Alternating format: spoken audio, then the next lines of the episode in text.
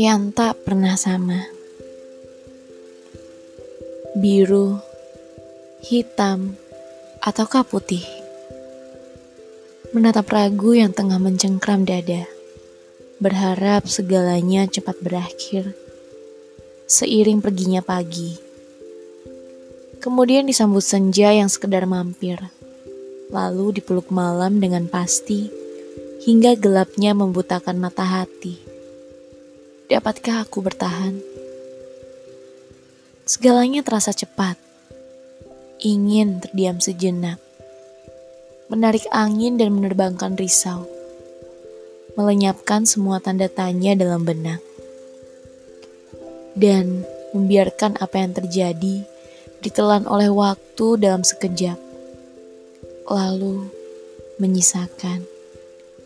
Selamat tinggal untukmu yang pernah berlalu. Tiada yang tahu hari ini, esok, dan lusa, termasuk apa yang akan terjadi di antara aku dan kamu yang saat ini masih duduk terdiam memandangi langit senja.